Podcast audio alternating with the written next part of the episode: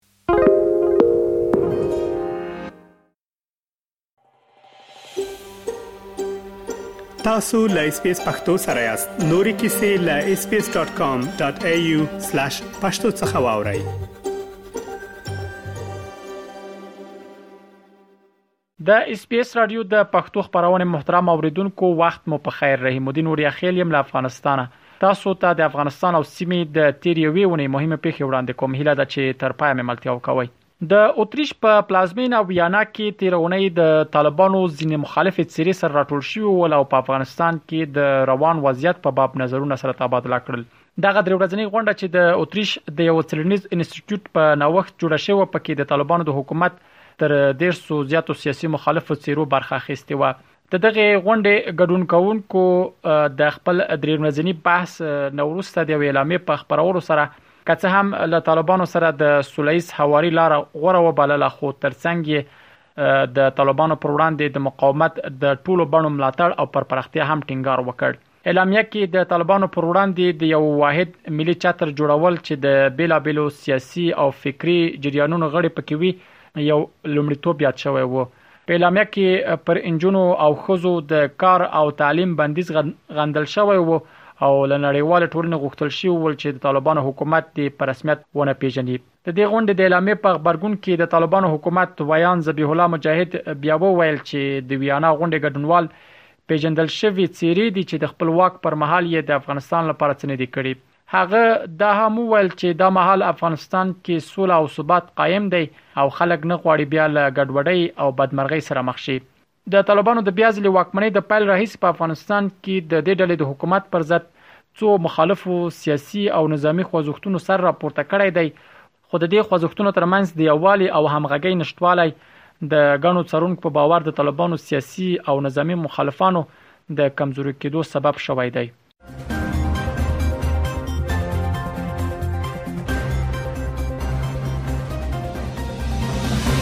د ملګرو ملتونو سرمنشي انټونی کوتریش تیرونی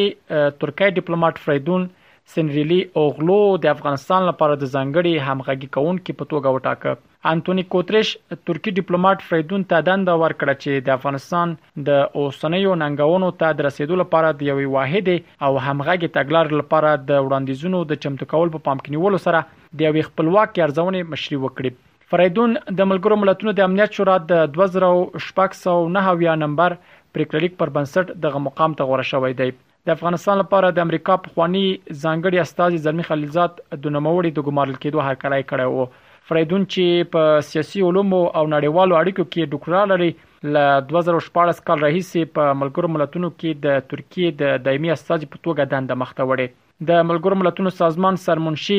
انټونی کوترش د اسمحال فریدون سینرلی اوغلو د افغانستان لپاره د دې سازمان ځانګړی همغږي کاونکي ټاکي چې ټاکل شوې ملګر ملتونه د می میاشتې په لومړۍ نیټه په دوحه کې د افغانستان په اړه غونډه وکړي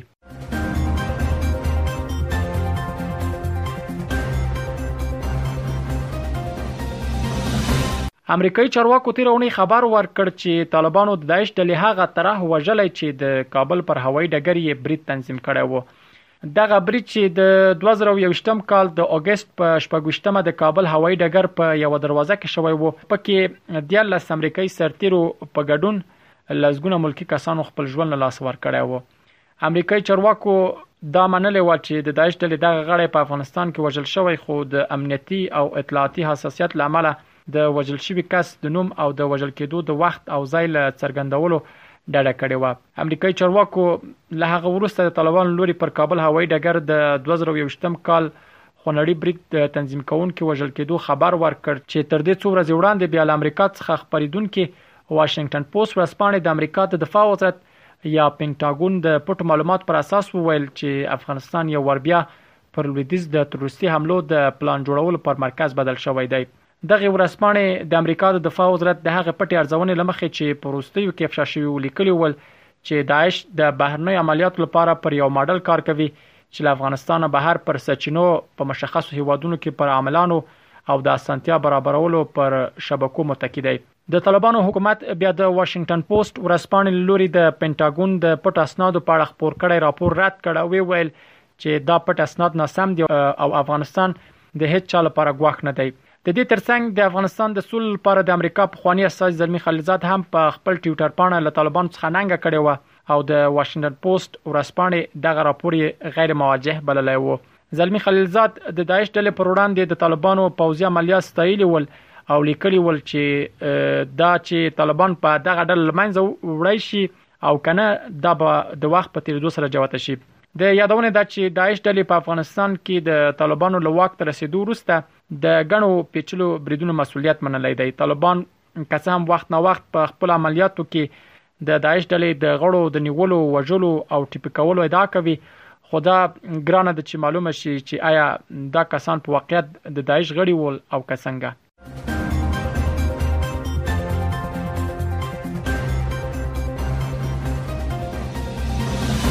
جاپان تیر اونۍ له افغانستان سره 13 میلیونه ډالر مرسته وکړه د افغانستان لپاره د جاپان سفارت وویل چې دغه مرستې په افغانستان کې د هغو ښځو او نجونو لپاره چې د جنسیتي تبعیض لامل له روغتيي خدماتو به برخې دي د اړتیا وړ واکسین د برابرولو په هدف کړې ده جاپان چې په تیرو دوه لسیزو کې له افغانستان سره له یو له سترو مرستندوی هیوادونو دی او په افغانستان کې د طالبانو لواکمنیدو سره سم د دغه هیواد مرستې ډېرې شوې دي د معلوماتو لمخې یوازې جاپان د روان کال له پیل راهیسې د ملګرو ملتونو په همکارۍ له افغان میرمنو او انجونو سره د څه باندې 12000 روغتيايي کڅوړ مرسته کړې ده د یادونه ده چې تر دې وړاندې جاپان له افغانستان سره د بشري پروژو د پلي کولو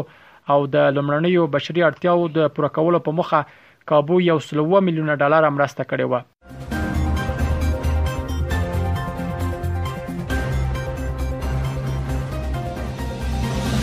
د دې اونۍ د پای موضوع هم دا چې د ملګرو ملتونو امنیت شورا تیرونی په یو پریکړلیک کې د رایو په اکثریت سره له طالبانو وغوښتل چې د خزو په اړه خپل تګلارې بدلې کړي دغه پریکړه لیک چې مسوده یې جاپان او متحده عربي اماراتو او د ملګرو ملتونو امنیت شورا د تیر اونۍ د پنجشنبې په ورځ په یوه خوله تصویب کړه ویل شوي ول چې روانه میاشت د ملګرو ملتونو پر ښځینه کارکوونکو د طالبانو لخوا لګول شوی بندیز بشري حقونه او بشري اصول تر پښو لاندې کوي د پریکړه لیک په مسوده کې له طالبانو غوښتل شوي ول چې سمدستي دې د زده کړو کارموندنې د تګ راتګ ازادۍ او د ښځو او نجونو مساوي ګډون ته لاسرسي زمينه برابره کړي په دغه پریکړهلیک کې د طالبانو له لوري د افغان ښځو او نجونو خلاف بندیزونه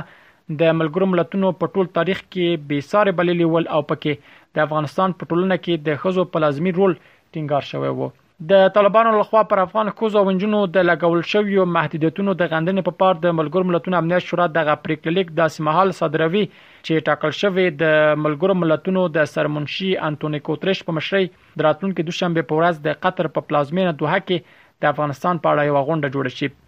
په دې دوه ورځنی غونډه کې به د ملګرو ملتونو د ادارو چارواکي او د افغانستان لپاره د یو شمېر هیوادونو او سازمانونو ځانګړي استازي ګډون وکړي دا ول د افغانستان او سیمې د تیر یوې ونې مهمه پیښه چې ماته ستو وړاندې کړي تر بیا خې چاره اس پی اس پختو په فیسبوک کې تا کې پلی مطلب یو فاک کړئ نظر ور کړئ او له نورو سره شریک کړئ